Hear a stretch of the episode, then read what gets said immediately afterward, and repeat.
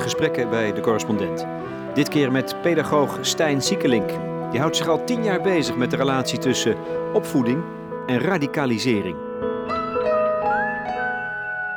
Eigenlijk sinds ik in Nederland woon, en dat is sinds 2004, uh, ben ik geïnteresseerd in hoe idealisme werkt in de ontwikkeling van jongeren en wat dat betekent voor opvoeding en ontwikkeling. En ik was nog maar enkele weken in Amsterdam of Theo van Gogh wordt vermoord, een kilometer van mijn deur. En dat heeft heel sterk dat die zoektocht naar hoe kunnen we nu deze vraag benaderen, uh, heeft dat heel erg gekleurd. En daar ben ik eigenlijk gaan zoeken om, om die radicalisering niet als, als fenomeen op zich, maar inderdaad als een soort uitwas van een opvoedings- en onderwijsomgeving die te weinig uh, omgaat met idealen van, van die jongeren. Net zozeer als consumentisme dat is. Dat is ook zo'n uitwas van op geen enkele manier geïnteresseerd zijn in het uh, cultiveren van idealen. Wel, Wie, wiens consumentisme bedoel je dan? Van de jongeren? Van, van jongeren. Dus ik, dit zijn zeg maar... Stijn Ziekelink is als pedagoog verbonden aan de Universiteit van Utrecht. Zijn proefschrift was getiteld Het beste van de jeugd. Onlangs pleitte hij vanuit pedagogisch perspectief voor een totaal andere aanpak van radicalisering bij jongeren. Je moet niet streven naar deradicalisering, maar naar re-radicalisering. Een prikkelende stelling die de omgang met idealen terugplaatst in het hart van de opvoeding. Voordat we daarover beginnen, vraag ik hem eerst naar zijn eigen opvoedingsideaal. Hij is zelf ook vader. Toen ik onlangs een uitzending presenteerde in het muzieklokaal in Utrecht, kwam er na afloop een meisje van zes jaar naar me toe dat alles wilde weten over de plopkap. Het bleek de dochter van Stijn. Wat zijn zijn eigen vuistregels voor een goede opvoeding? Wat ik, wat ik in opvoeding belangrijk probeer mij zoveel mogelijk zelf aan te herinneren, is dat je zonder in de, in de schoenen van je kind te stappen uh, dat, dat je er niet mee komt. Dus je moet altijd durven, ook in de meest lastige momenten, uh, in, je, in de schoenen durven te stappen van, van dat jonge hmm. wezen wat uh, ja, heel veel nog niet weet en niet kan. Maar uh, het feit dat ik het weet en kan, kan mij juist tegenzitten in mijn opvoeding. Ja, ja. In plaats van als, als ik vergeet om die empathische positie in te nemen. kan je daar een voorbeeld van geven? Uh, ja, je noemt net uh, dat onze dochter jou aansprak toen wij elkaar laatst zagen. En dat vraagt voor mij om even het uithouden van, van die situatie. Want ik weet, er zit een radiomaker die is net klaar met zijn programma. Die heeft vast zin in een drankje. En dan gaat mijn dochter ah, helemaal de kleren van het lijf vragen. En dan denk ik, ja, maar ik leef mij in haar in, want ik weet hoe belangrijk en hoe misschien, mm. want ze heeft het er nog veel over gehad na afloop, Hoe, hoe, ja, hoe bijzonder het voor haar is om zo'n gesprekje te kunnen voeren. Maar ergens, eh, iets in mij zegt ook van, ik moet als opvoeder optreden, want uh, anders dan, uh, dan komt, komt deze meneer hier niet ja, meer Ja, maar dat is toch, dat is toch zo simpel als het is, heel dichtbij, zo geraffineerd werkt het. Jij denkt, je moet haar in het gareel houden. Zeker. Ik, denk, zij is, ik denk, zij is nieuwsgierig. Ja. Wat, wat een van de mooiste menselijke eigenschappen is. Ja, absoluut. En, en dat, dat is wat we elke keer onszelf moeten herinneren, denk ik, bij kinderen. Uh, je kan ook maar grenzen op een, op een effectieve manier overbrengen uh, aan, aan jongeren als je vertrekt vanuit die empathie. En die twee sluiten elkaar totaal niet uit. Nee. Uh, we hebben afgesproken bij het Fort van de Democratie voormalig onderdeel van de Hollandse Waterlinie, in de jaren 60 omgebouwd tot schuilkelder in het kader van de Koude Oorlog. Tegenwoordig is het een educatiecentrum waar jongeren geconfronteerd worden met grondige vragen over de democratie. Het is vlakbij de Ring van Utrecht, in een half idyllische omgeving. Op de kazematten groeit mals gras. Er is een weelderig tapijt van boterbloempjes. Ik val ook een beetje van verbazing van, uh, bij het betreden van die eerste deur. Het is een soort, ja, het is, het is een deur die je associeert met een, met een, een tijd die lang vervlogen is, hè? de atoomtijd. Uh, ja. een, een, echt een bunker waar je, waar je binnenstapt. Dit is de ingang van Fort van de Democratie, een voormalig uh, fort. En in de jaren 60 is het omgebouwd en u hoort het als het goed is mij naar binnen gaan in wat een atoomschuilkelder is geworden. En hier komen wij in Dat zijn het verschillende ruimtes waarin kinderen dus met, met democratie leren omgaan. Ja, het is het Park van de Vrijheid, is mij zo net verteld. Dus uh, vandaar het groen. Uh, en ik denk ook wel omdat het park een beetje symbool staat voor de plek in de stad waar je uh, sowieso elkaar tegenkomt. Je, je, ontmoet andere mensen die ook buiten jouw eigen gemeenschap of buiten jouw eigen groepje um, zich ophouden. En, en, je, ja, en, en je, er wordt wel eens een bal uh, geschopt over een picknickkleed heen en dan moet je met elkaar daar zien uit te komen. En ik vind het wel mooi verbeeld hier met die, door die sfeer te scheppen van, de, van het park. Het geeft ook een bepaalde rust om het te hebben over echt lastige thema's. Hè, want het, het gaat hier over de inperking van, van de overheid, van bijvoorbeeld je internet, de, de, sites die je bezoekt op internet. in hoeverre mag um, de overheid, de, de, burgers controleren om de veiligheid van het... Ja, van, van cruciale vragen. Cruciale vragen. En, Daar kan je en, mee eens zijn, een beetje mee eens, ja, niet mee eens. Ja. Lekkere discussies. Ja, lekkere discussies, maar ook uh, meteen uh, duidelijk dat, dat, uh, dat je er inderdaad verschillend over kan denken. ze gaan geen enkel thema uit de weg, wat, wat best wel een verwezenlijking is. Stijn Siekelink, ik denk dat jij hier afgesproken hebt omdat voor jou opvoeding en de problematiek van opvoeding of radicalisering alles te maken heeft met democratie. Mm -hmm. En je uh, zei ergens, als ik uit mijn hoofd goed citeer, dat de democratie een plek is om te vechten mm -hmm. voor je idealen. Dat is een interessante gedachte. Ja, dat is een gedachte die, naar mijn idee, in de wijze waarop we democratie presenteren aan jongeren, te weinig aan bod komt. Bij een les democratie wordt heel snel de suggestie gewekt dat dat gaat over het eens worden met elkaar over wat de waarden, ja. fundamentele, uh, onvervreembare waarden van de samenleving zijn. Terwijl juist de kracht van onze democratie ontleent zich voor een belangrijk deel aan het feit dat we hebben leren onze verschillen met elkaar uh, op, een, uh, op een manier daarmee leren omgaan um, en, en, elkaar daar heus niet in sparen, maar daar tegelijk ook niet elkaar het hoofd in slaan. En, dat, en dat is denk ik um, een, een, zoektocht van hoe kunnen we nu jongeren dat democratische project op zo'n manier formuleren dat het, dat het ja, aantrekkelijk is, dat het, dat ook laat zien dat het misschien wel uh, aansluit bij de conflicten waarin die jongeren zichzelf eh, op dat moment bevindt. Of dat nu is omdat hij thuis tegen dingen aanloopt, omdat hij in zijn wijk uh, zich niet op zijn plek voelt, enzovoort. Dat is natuurlijk allemaal ja. ontzettend met elkaar verbonden. Maar het begint met gepassioneerd voor idealen staan. En grappig genoeg, grappig genoeg, verrassend genoeg, zie jij daar een link met radicaliserende jongeren. Die, die hebben, uh, als je, als je in hen inleeft, gaat het over een passie om mm -hmm. te beginnen. Mm -hmm. Niet iets om bang voor te zijn, maar om gebruik mm -hmm. van te maken. Ja, idealen, dat kan iets zijn om ook bang voor te zijn. Hè. Ik denk dat het waar mijn proefschrift de titel had Het beste van de jeugd, uh, denk ik dat we ook moeten stellen dat het, het slechtste van de jeugd evenzeer uh, uh, een uitkomst kan zijn van, van, een, van een ontwikkeling. Hè. Als je ziet oorlog, extremisme, dat zijn zaken waar, waarbij je met name jongeren toch wel heel goed kunt gebruiken, zeg maar, als dat je agenda is. Maar daar staat tegenover dat inderdaad um, het zoeken naar uh, een, een, betekenis in het leven en waar je je leven voor wil inrichten, dat dat zeer legitieme vragen zijn waar we denk ik op dit moment in de opvoeding en in het onderwijs een beetje te makkelijk aan voorbij gaan. En het is niet zozeer, ik, ik baseer dat echt op onderzoek, op, op gesprekken met docenten, met leerlingen, met ouders. Wat je eigenlijk ziet bij die zaken waarin, uh, die casussen waarin radicalisering optreedt, is dat die jongeren vaak een zoektocht hebben ondernomen naar zingeving en daar op een gegeven moment gekozen hebben voor de quick fix, voor de snelle oplossing. En dat is, dat is zeg maar die, die extremistische wereldvisie die in één keer pretendeert om die knoop waarin men vaak is in terechtgekomen in zijn identiteitsontwikkeling, om die eigenlijk op te lossen. Maar in, in, in het zoeken naar zingeving, waar het mee begon, zijn ze te weinig gesteund of, of beantwoord? Ja, of, of... ja dat, is, dat is echt iets waar, waar onze samenleving van de jihadisten zou kunnen leren op een bepaalde manier. Dat is namelijk wat die heel goed beheersen, uh, is het aanspreken van jongeren op de thema's die hun echt bezighouden en hen daar ook echt aandacht in geven.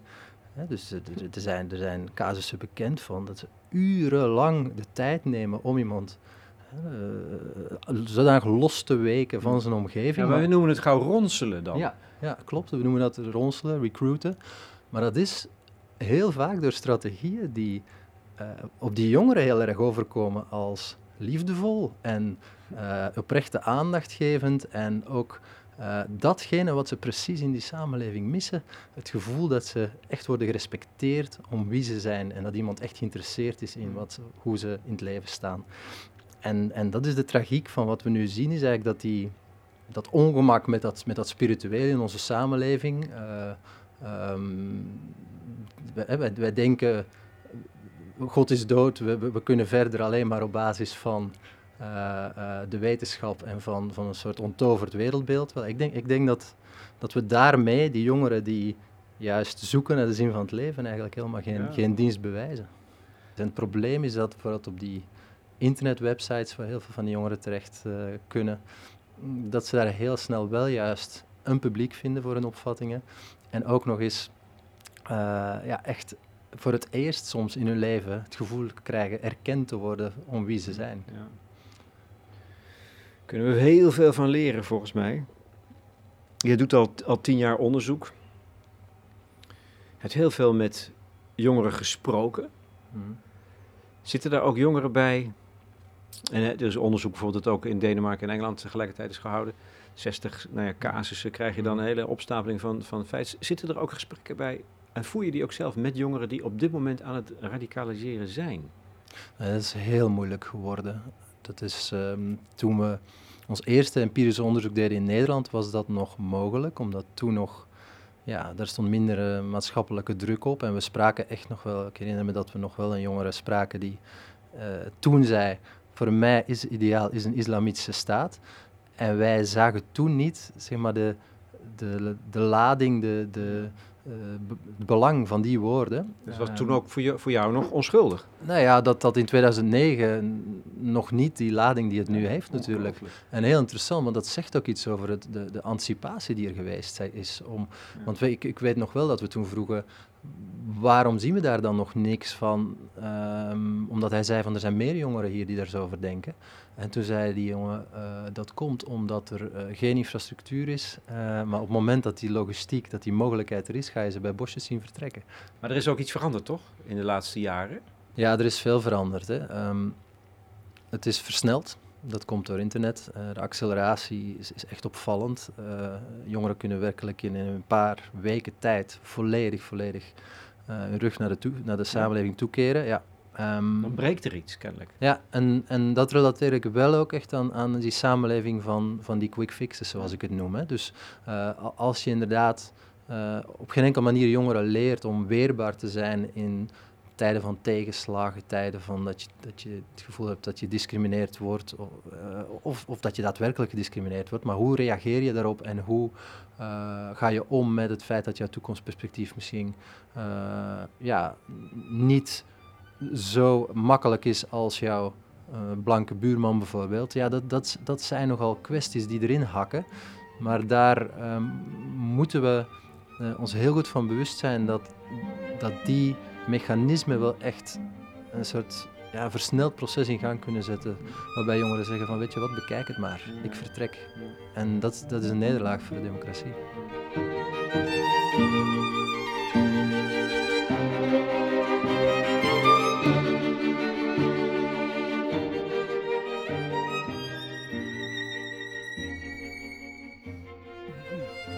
zijn de gezinnen waar ze uitkomen.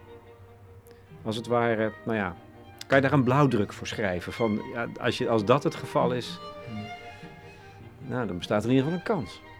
Ja, een kans bestaat altijd. Dus met een blauwdruk kom je niet ver.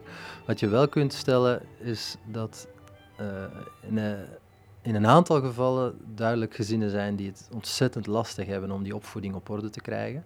Uh, het zij omdat ze hun kinderen alle vrijheid gunnen, maar op geen enkele manier grenzen stellen. Uh, het zij omdat ze zodanig grenzen aan het stellen zijn en zaken aan het, aan het mm. limiteren zijn en inperken zijn, dat ze vergeten om ook nog warmte aan die jongeren mee te geven. Dat is, um, dat is een soort vuist. Ik vroeg naar een vuistregel, ja. maar is dat niet in algemene zin dus ook hier een vuistregel? Ja. Warmte en begrenzing? Ja, absoluut. Ja, dat, dat, dat, dat weten we ook uit onderzoek. Dat als je daarin slaagt om dat te doen, dat, dat, dat de kans groot is dat je kinderen goed terechtkomen. Maar het is, geen, het is nooit een garantie, want we spraken ook een aantal jongens uit gezinnen, en ook met hun ouders trouwens, die uh, gewoon in een stabiel gezin zijn opgegroeid. En ja, die op een gegeven moment toch wat, wat eigen is aan die adolescentie, een soort afstand gaan nemen van hun ouderlijke nest en op zoek gaan naar ja, verklaringen, antwoorden op uh, hun vragen. Um, vaak in de maatschappelijke sfeer, vaak met betrekking tot hun identiteit. En ja, dan, dan merk je vaak dat zo'n stabiel nest ook niet voldoende is. Want die, die kwesties die jongeren echt aan de lijve ondervinden met betrekking tot uh, wie ben ik, wie mag ik zijn in deze samenleving, uh, welke kant kies ik, uh, die, ja, die hakken er sowieso diep in. En niet alle ouders zijn even bekwaam om die dingen te bespreken. Dat wil niet zeggen dat het in alle gezinnen een soort van taboe is. Er zijn een aantal gezinnen waar het duidelijk is dat daar niet over gesproken kon worden. maar in een aantal zie je vooral dat de jongeren ook soort van dorst blijft ontwikkelen naar meer kennis, meer um, alternatieve manieren om, um, om, om politiek of religieus actief te zijn, juist op een andere manier dan die ouders. Dus je ziet juist een soort uh, generatieconflict ook op een bepaalde manier zich daar afspelen.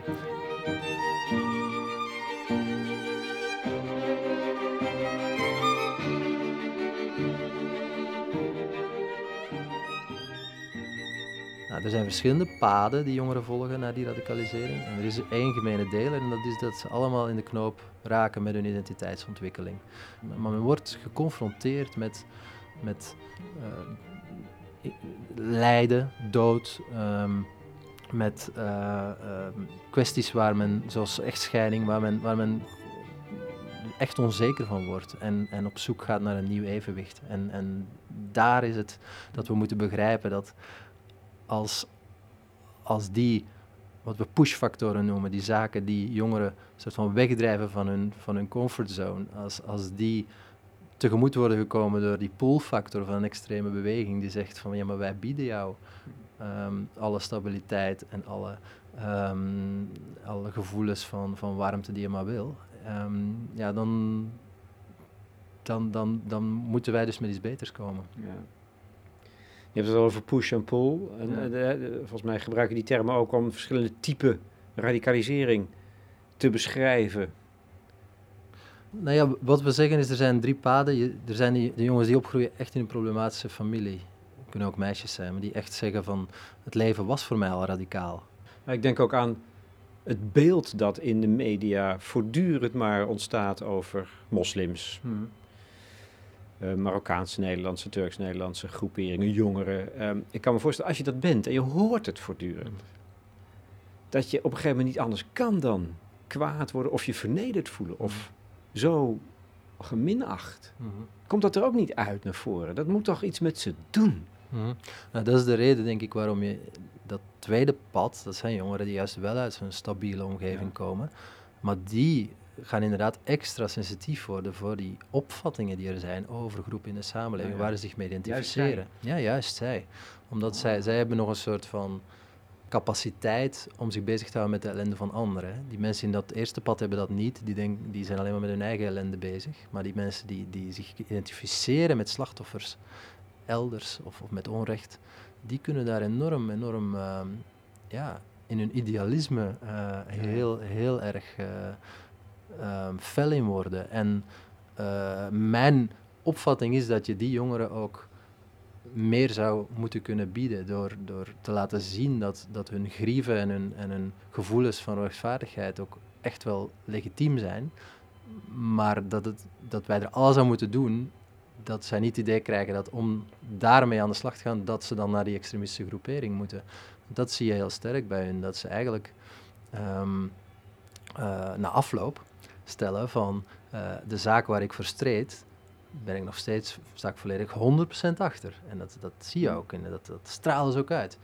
Maar wat ik heb geleerd in mijn extreme periode is dat geweld niet de oplossing is. Ja, ja.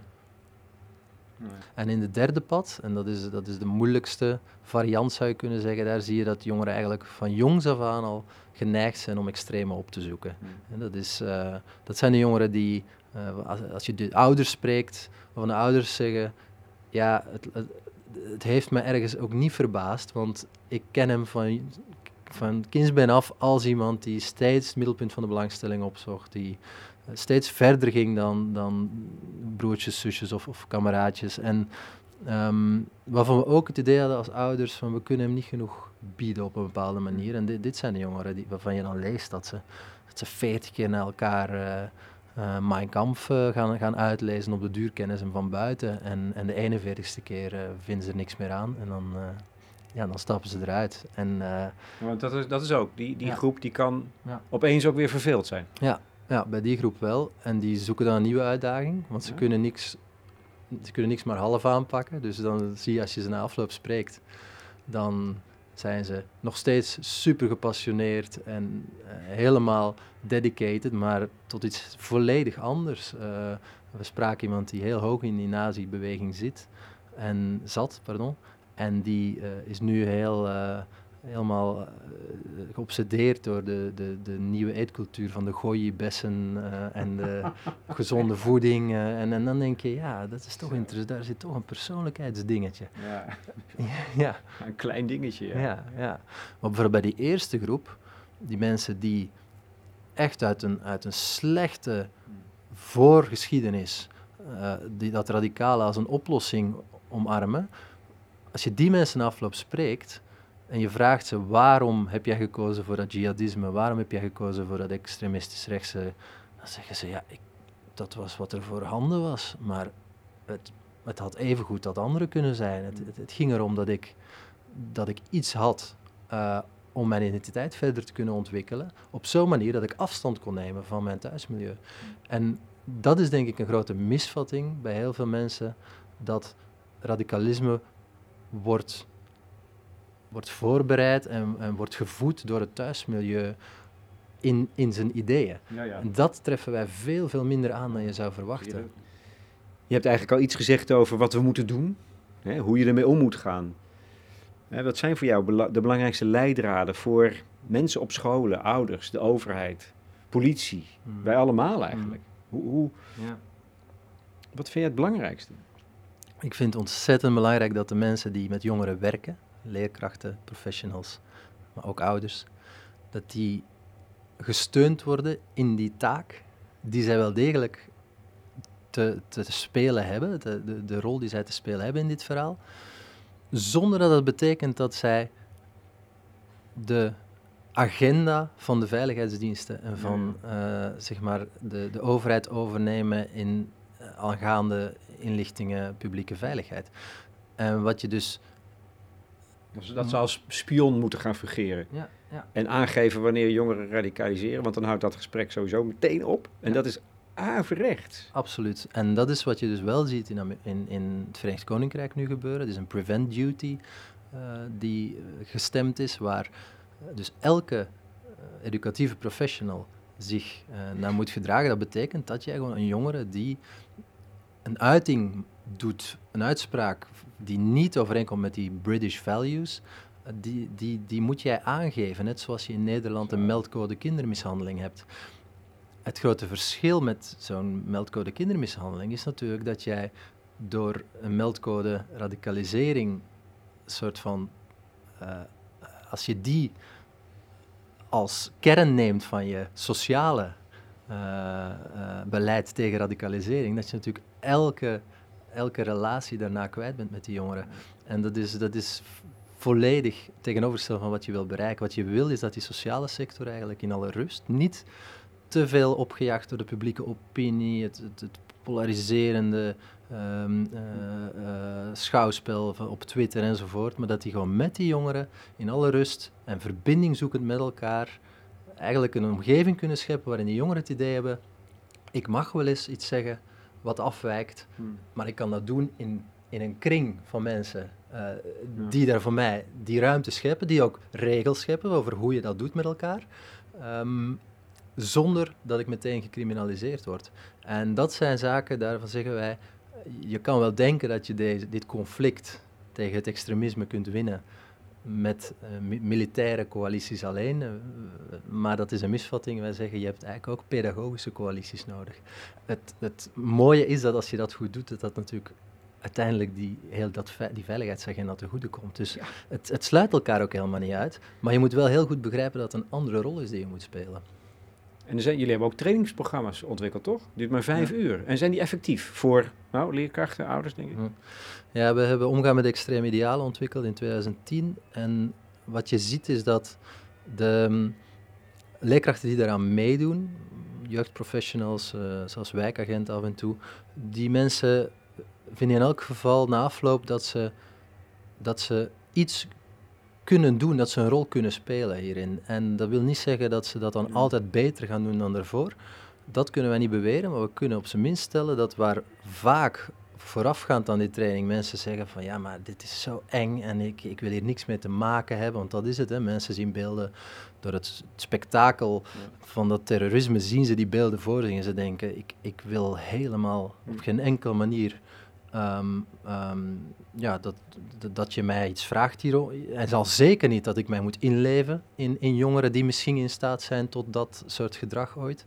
Uh, en na die training denken ze daar anders over. Na die training zeggen ze inderdaad, ja, het, het, het zijn jongeren die op een gegeven moment in hun ontwikkeling nog, nog heus nog wel te bereiken zijn. Heus nog wel, hoewel ze soms een schild, een soort schild opwerpen, uh, waar, kan je er echt nog wel uh, langs om uh, om ze te raken, om, om een manier te vinden eh, om, om, om een soort band te smeden, waardoor het voor die jongeren wel echt een stuk moeilijker wordt om, om die, die banden met die samenleving door te snijden.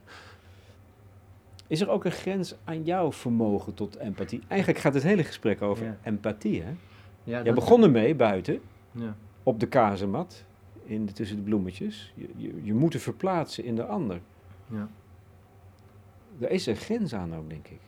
Ja, er is zeker een grens aan. En uh, dit is een enorme spanning hè, om in een thema als terreur en geweld, om dan voortdurend empathie op te werpen. En dan merk ik ook in die trainingen dat sommige mensen willen er eerst echt niet aan en vinden dat je ja, echt uh, uh, niet goed bij je hoofd bent en, en de, de, principes van je samenleving op het spel zet enzovoort. Dus, uh, maar er dan moet je je toch ook even schrap zetten, denk ja, ik. Ja, maar, maar gelukkig is er dan wetenschappelijk onderzoek op basis waarvan je kan zeggen dat als jij wil vooruitgang maken met uh, jongeren die met name vaak gekwetst zijn of die uh, in hun gedrag zo stoer zijn, wat eigenlijk alleen maar een soort angst verraadt enzovoort, ja, dat, dat de enige manier om, om uh, daarmee eh, successen te boeken, is uh, toch dat je ze uh, ja, liefde geeft, dat je ze aandacht geeft. en, dat,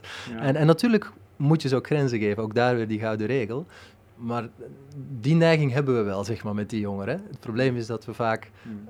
het lastig vinden om, om, om ons in te leven. Nu, er zijn grenzen aan die empathie en ik merk heel sterk dat vooral toen die aanslagen in Brussel plaatsvonden. Ik was in Canada voor een congres en ik zette CNN aan, s ochtends. En wat ik in mijn maag voelde, was, was ook echt onvergelijkbaar met wat ik daarvoor gevoeld had. Uh, met nieuws over, uh, over andere aanslagen elders. De, uh, dat komt omdat ik in Brussel een tijd gewoond heb. Dat is gewoon toch een deel van jezelf dan. En dat, en dat, en dat komt gewoon fysiek binnen.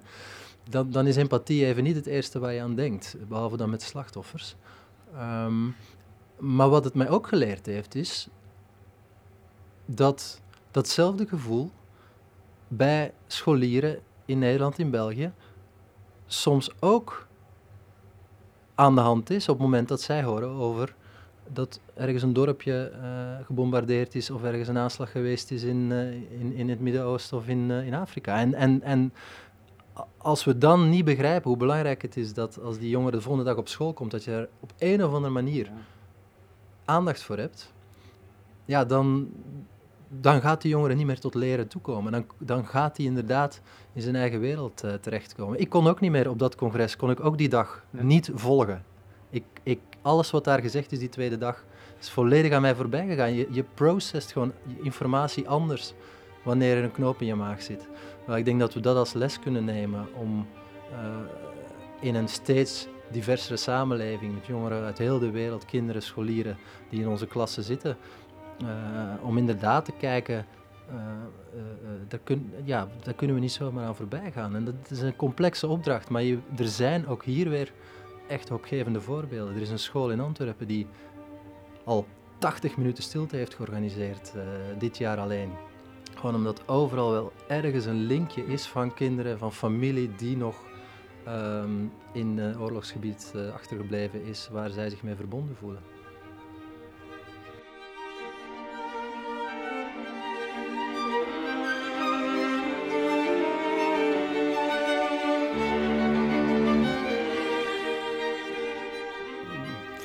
Van de van deradicalisering naar re-radicalisering. Dat vat het wel zo'n beetje samen. Die kracht waarmee ze radicaliseren in een verkeerde richting, die moet je als het ware verleggen. Ja, dat is absoluut. En dat begint dus bij het stellen van de juiste vraag in je omgang met jongeren of in je opstellen van je jongerenbeleid. Hè, van wat, waar, wat willen we, wat er gebeurt? En heel vaak zijn we op zoek naar het antwoord op die vraag, hoe deradicaliseren we ze? En dan is mijn reactie, stellen we daar de juiste vraag. Moeten we niet op zoek gaan naar uh, een, een, manier om juist die energie te erkennen die daar is en te zoeken naar andere uh, uitlaatkleppen. En door dat te doen kunnen we ook misschien wel de wind uit de zeil halen van die extremistische beweging die kan zeggen, ja, wij zijn inderdaad het radicale alternatief. Misschien moeten we die radicale alternatieven binnen onze samenleving organiseren. Ja, dat vind ik wel een eye-opener van heb ik jou daar trouwens, dat je die, die, die radicale kracht, of de kracht van de radicaliteit, dat je, die ook, dat je daar iets heel positiefs in kunt zien. Hè? Een, een, vruchtbare kracht. Ja. ja. Zo. Ja. ja, en waarom? Omdat die jongeren dat dus ook juist ziet als, als iets positiefs. Omdat die jongeren hmm. die radicale uitkomst echt ziet als een uitkomst voor zijn eigen problemen. En daarom, ik bedoel, iedereen die jongeren kent, weet dat het niet helpt om te zeggen: jij mag alles worden behalve dit. ja, nee, dan ben je het worden. Ja, ja. Dus, en dat is eigenlijk de, de valkuil van die deradicalisering als, als preventieprincipe. Uh, Wat je wil is juist laten zien van er zijn veel meer dingen die jij kan worden dan jij nu misschien beseft. En dat gaan wij, daar gaan wij met jou aan werken. En dat is ook een heel simpele wet uit de sociale wetenschap. Dat is als je alleen maar focust op het slechte om dat te, vermijden, dat te voorkomen dat dat gebeurt, denk aan drugs, alcohol enzovoort. Dat gaat veel minder goed werken dan wanneer je investeert in meer bieden van het goede. In meer investeren in omgevingen waarin het gewoon niet zo aantrekkelijk meer is.